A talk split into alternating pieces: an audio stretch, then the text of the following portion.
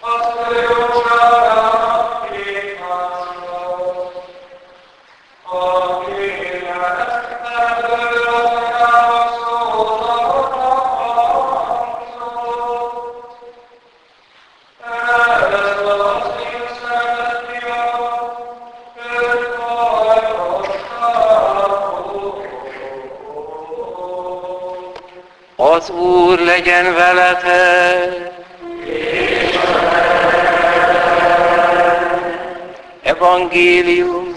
Lukács könyvéből.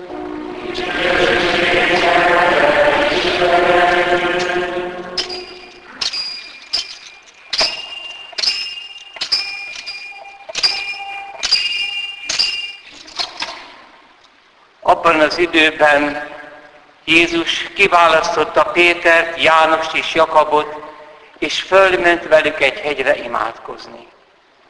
Míg imádkozott, arca teljesen átváltozott, ruhája pedig hófehérrel ragyogott.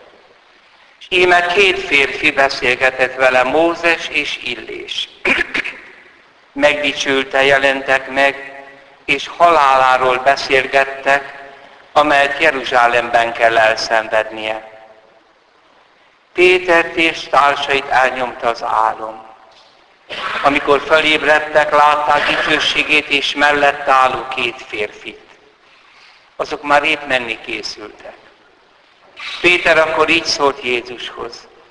Mester, jó nekünk itt lennünk. Hadd csináljunk három sátra. Neked egyet, Mózesnek egyet és Illésnek egyet. Nem tudta ugyanis, hogy mit mondjon. Közben felhő támadt és beborította őket. A felhőben félelem szállta meg őket. A felhőből szózat hallatszott. Ez az én szeretett fiam, őt hallgassátok. Miközben a szózat hangzott, Jézus ismét egyedül volt. Ők pedig hallgattak, és senkinek sem árultak el semmit abból, amit láttak. Ez az evangélium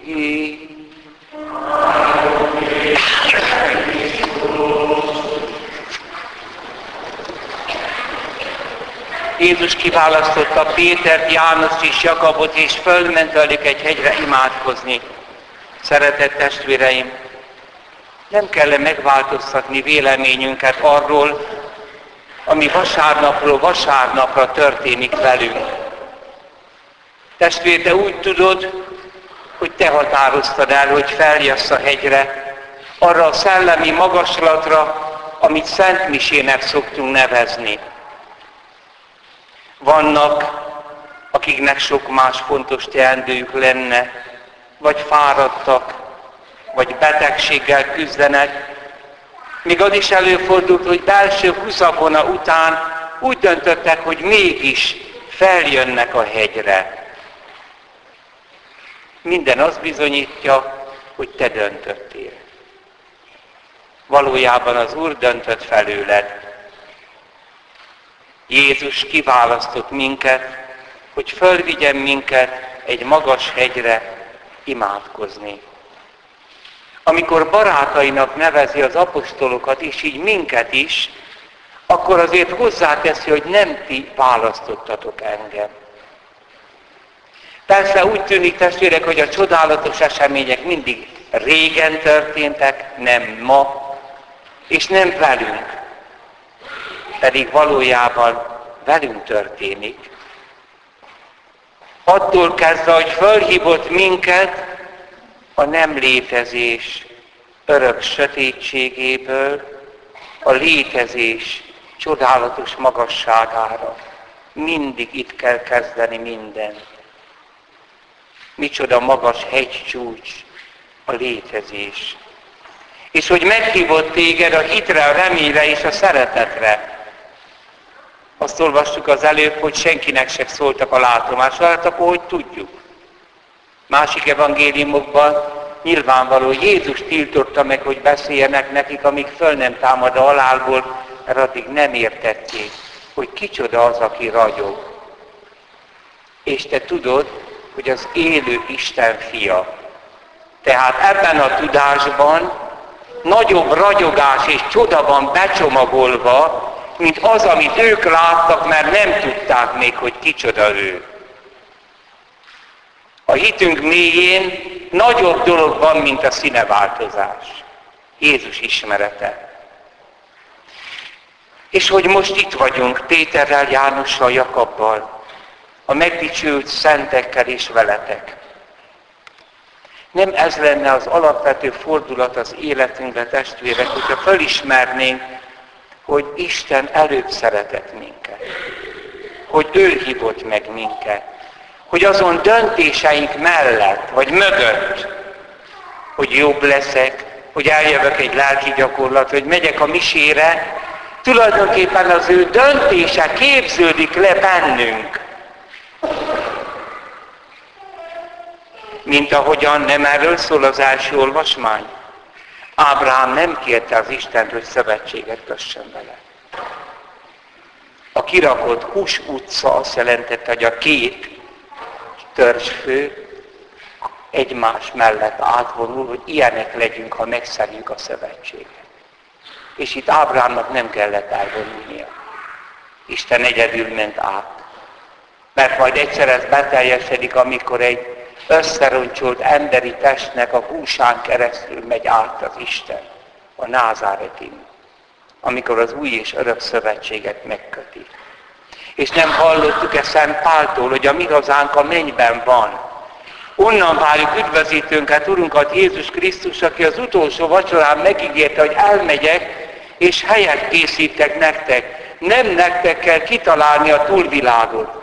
Nem ti készítitek ott a helyet, minket hívott meg, minket választott ki, hogy fölvigyen erre a magas hegyre, a hitnek a magasságába, ahol a Szent Misét ünnepeljük.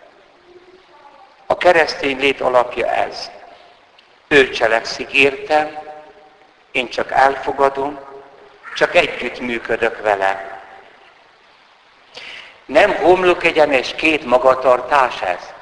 És nem sok katolikus, és nem az van, hogy sok katolikus úgy van, hogy én, én.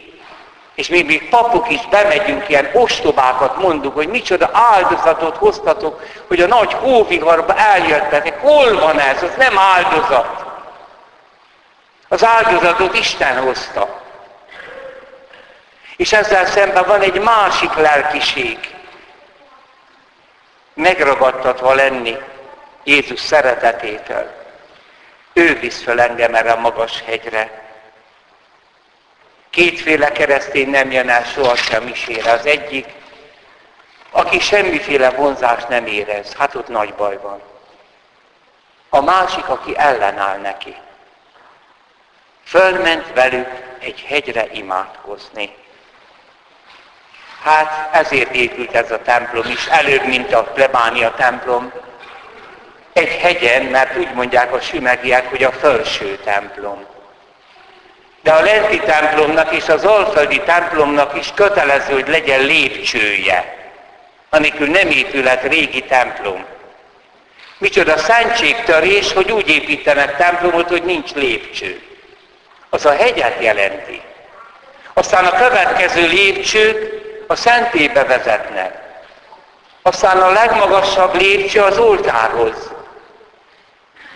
Ez az a hegy, amelyre felvisz minket Jézus. Az imádság hegye. Az emberi lét legmagasabb pontja.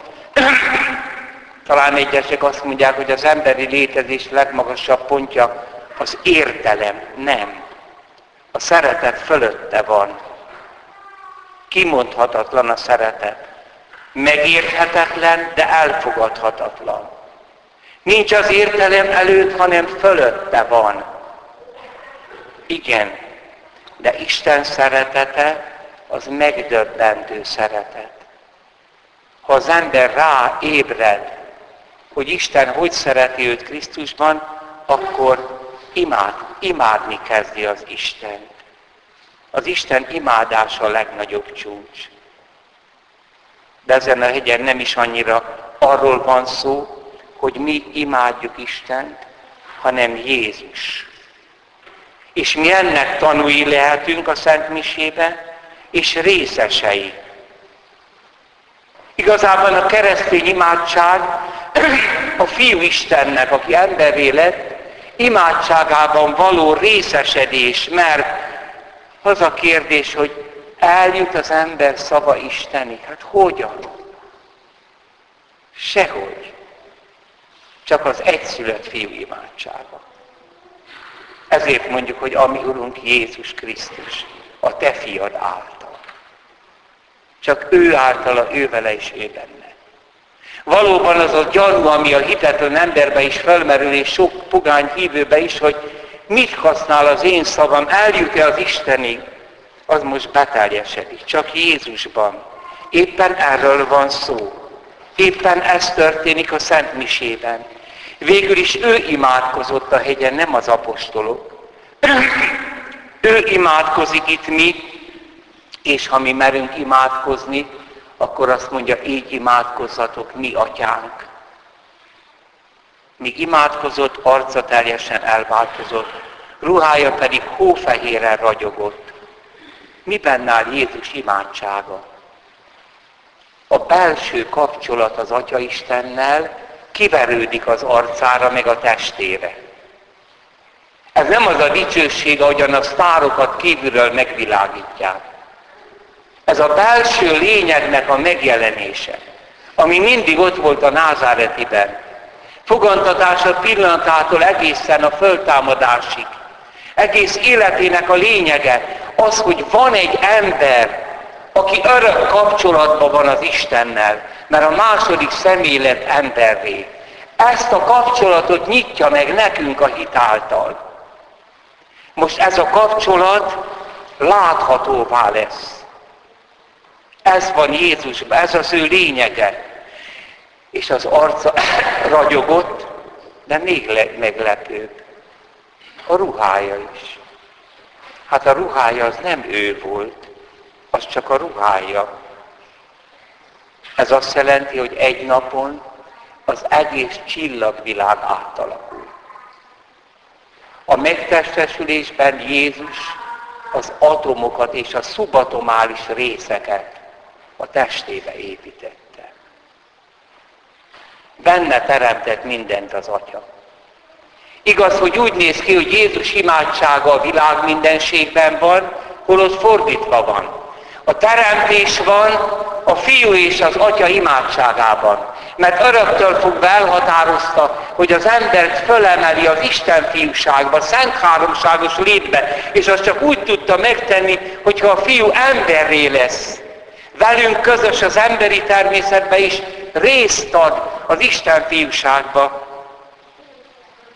Igen, most tárul fel a teremtés lényege.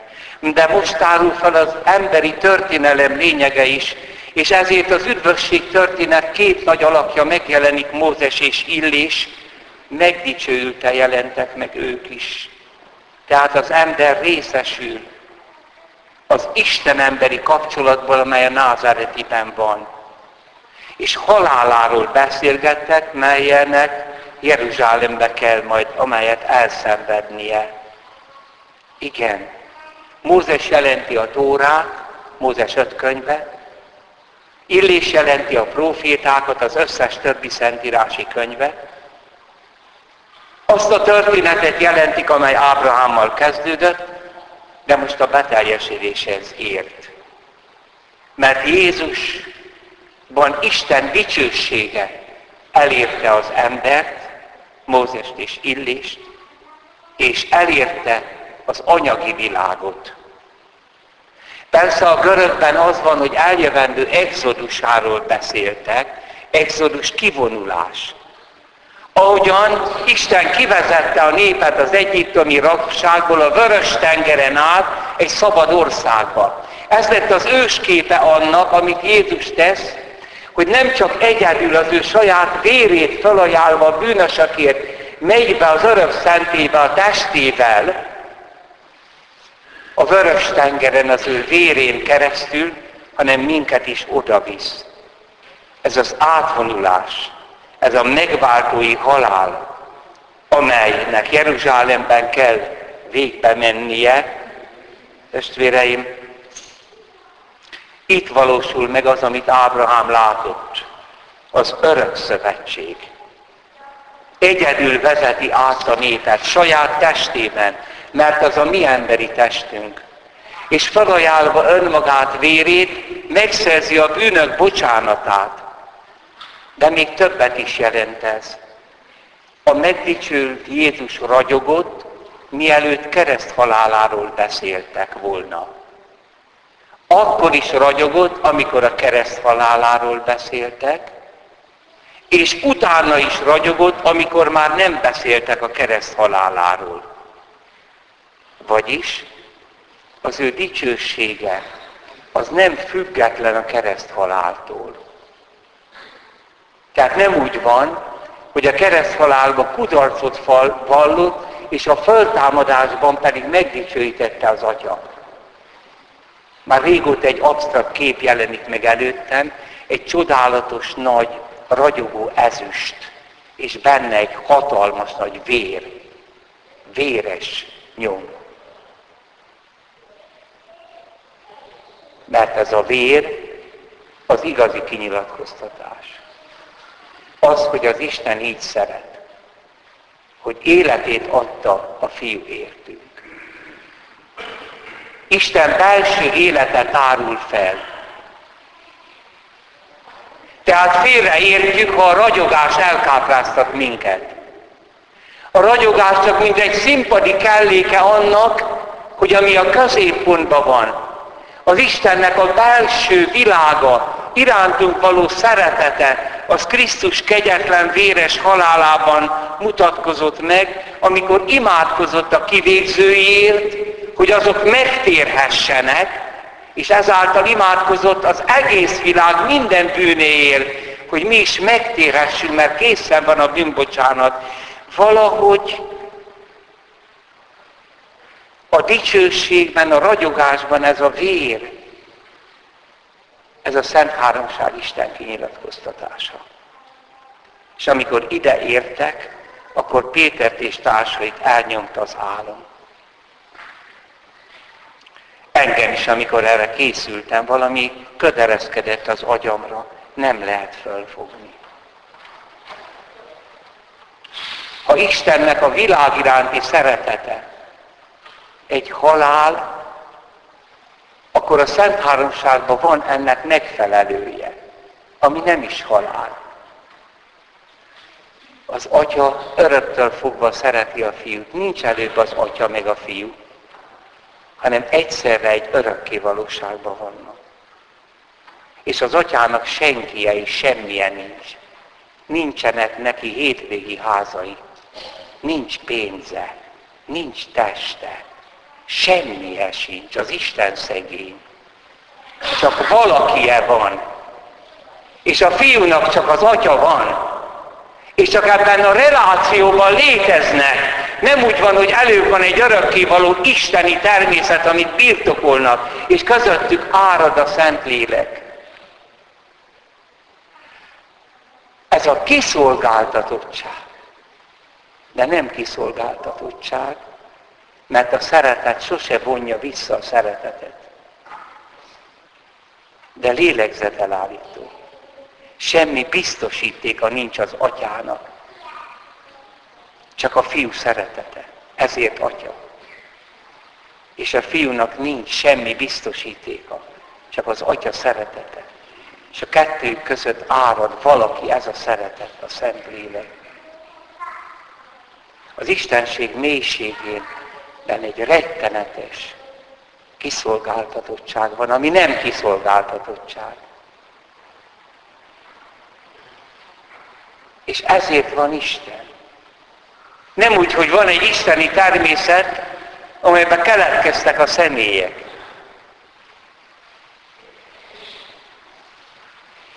És amikor emberi lesz a Fiú Isten, és olyan helyzet alakul ki körülötte, hogy meg akarják ölni, ez nem az atyától jön a gyilkosság, mert a világ kezdete óta Kain megöli Ábert. És kiírtjuk a magzatokat és a zártatlanokat. A világ végéig. Ez a bűnös ember pszichéjéből jön. Embernek lenni, ártatlan embernek lenni azt jelenti, hogy kivégzik. És akkor ebben a helyzetben is azt mondja Jézus, hogy atyám, mint egy lehetősége lesz belehalni az atya iránti bizalomba.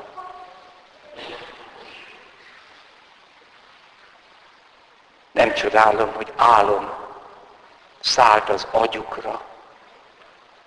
Elgyöngülünk, nem lehet felfogni.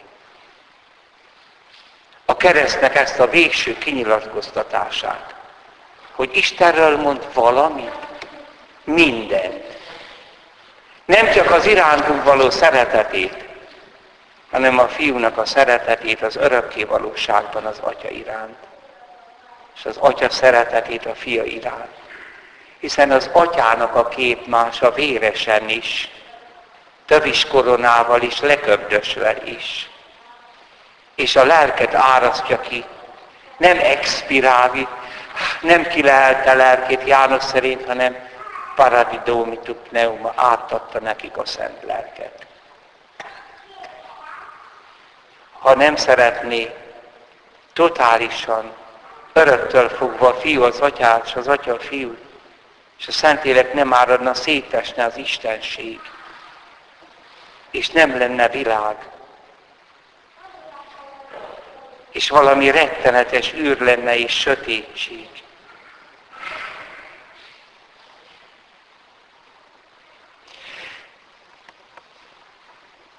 valami álomszerű borult az értelmükre, de aztán magukhoz tértek. Közben fél felhő ereszkedett rájuk, beborította őket. Ez a felhő nyilván nem vízből volt. A zsidóság úgy tudja, ez a szeki, sekina, az Istennek a jelenléte. Jézusnak a imádsága most beburkolja őket. Az egyház burokban született. Mi Jézusnak az imádságában vagyunk benne. Az utolsó vacsorán, hogy imádkozik, értünk. Az nem szavak, nem olyan, mint az én imádságom, mert azt kérem, hogy egy beteg gyógyuljon meg, hanem a Fiú Isten imádság az egy ontológiai burok. Ebben a burokban van az egyház. Péter is benne volt, aki elárulta. Júdás kiment belőle. Péter ott maradt. Simon, Simon, kikért téged a sátán, hogy megrostáljon. De imádkoztam, érted? Kell benne vagy a burokba, most handabandázol, nagy képüsködsz, hogy el sem árulsz engem. Most ben vagy az imámba, így, ahogy vagy, el fogsz esni, a legnagyobb bűnt elköveted, de akkor is az imádságomba vagy, és meg fogsz térni, mert az imádságomba vagy, és megerősíted a testvéreimet elhagyni az egyházat, a keresztény közösséget annyi, mint kilépni Krisztus imádságából hova? Nem a világért imádkozom. Felhőben félelem szállta meg őket. De szózat hallatszott. Ez az én szeretett fiam, őt hallgassátok, és hirtelen eltűnt minden, egyedül Jézus volt ott hétköznapi ruhájába, minden ragyogás nélkül. És így indult. Ők még nem tudták a Golgotára. Amen. Hiszek az egy Istenben, mindenható atyában, mennek és földnek,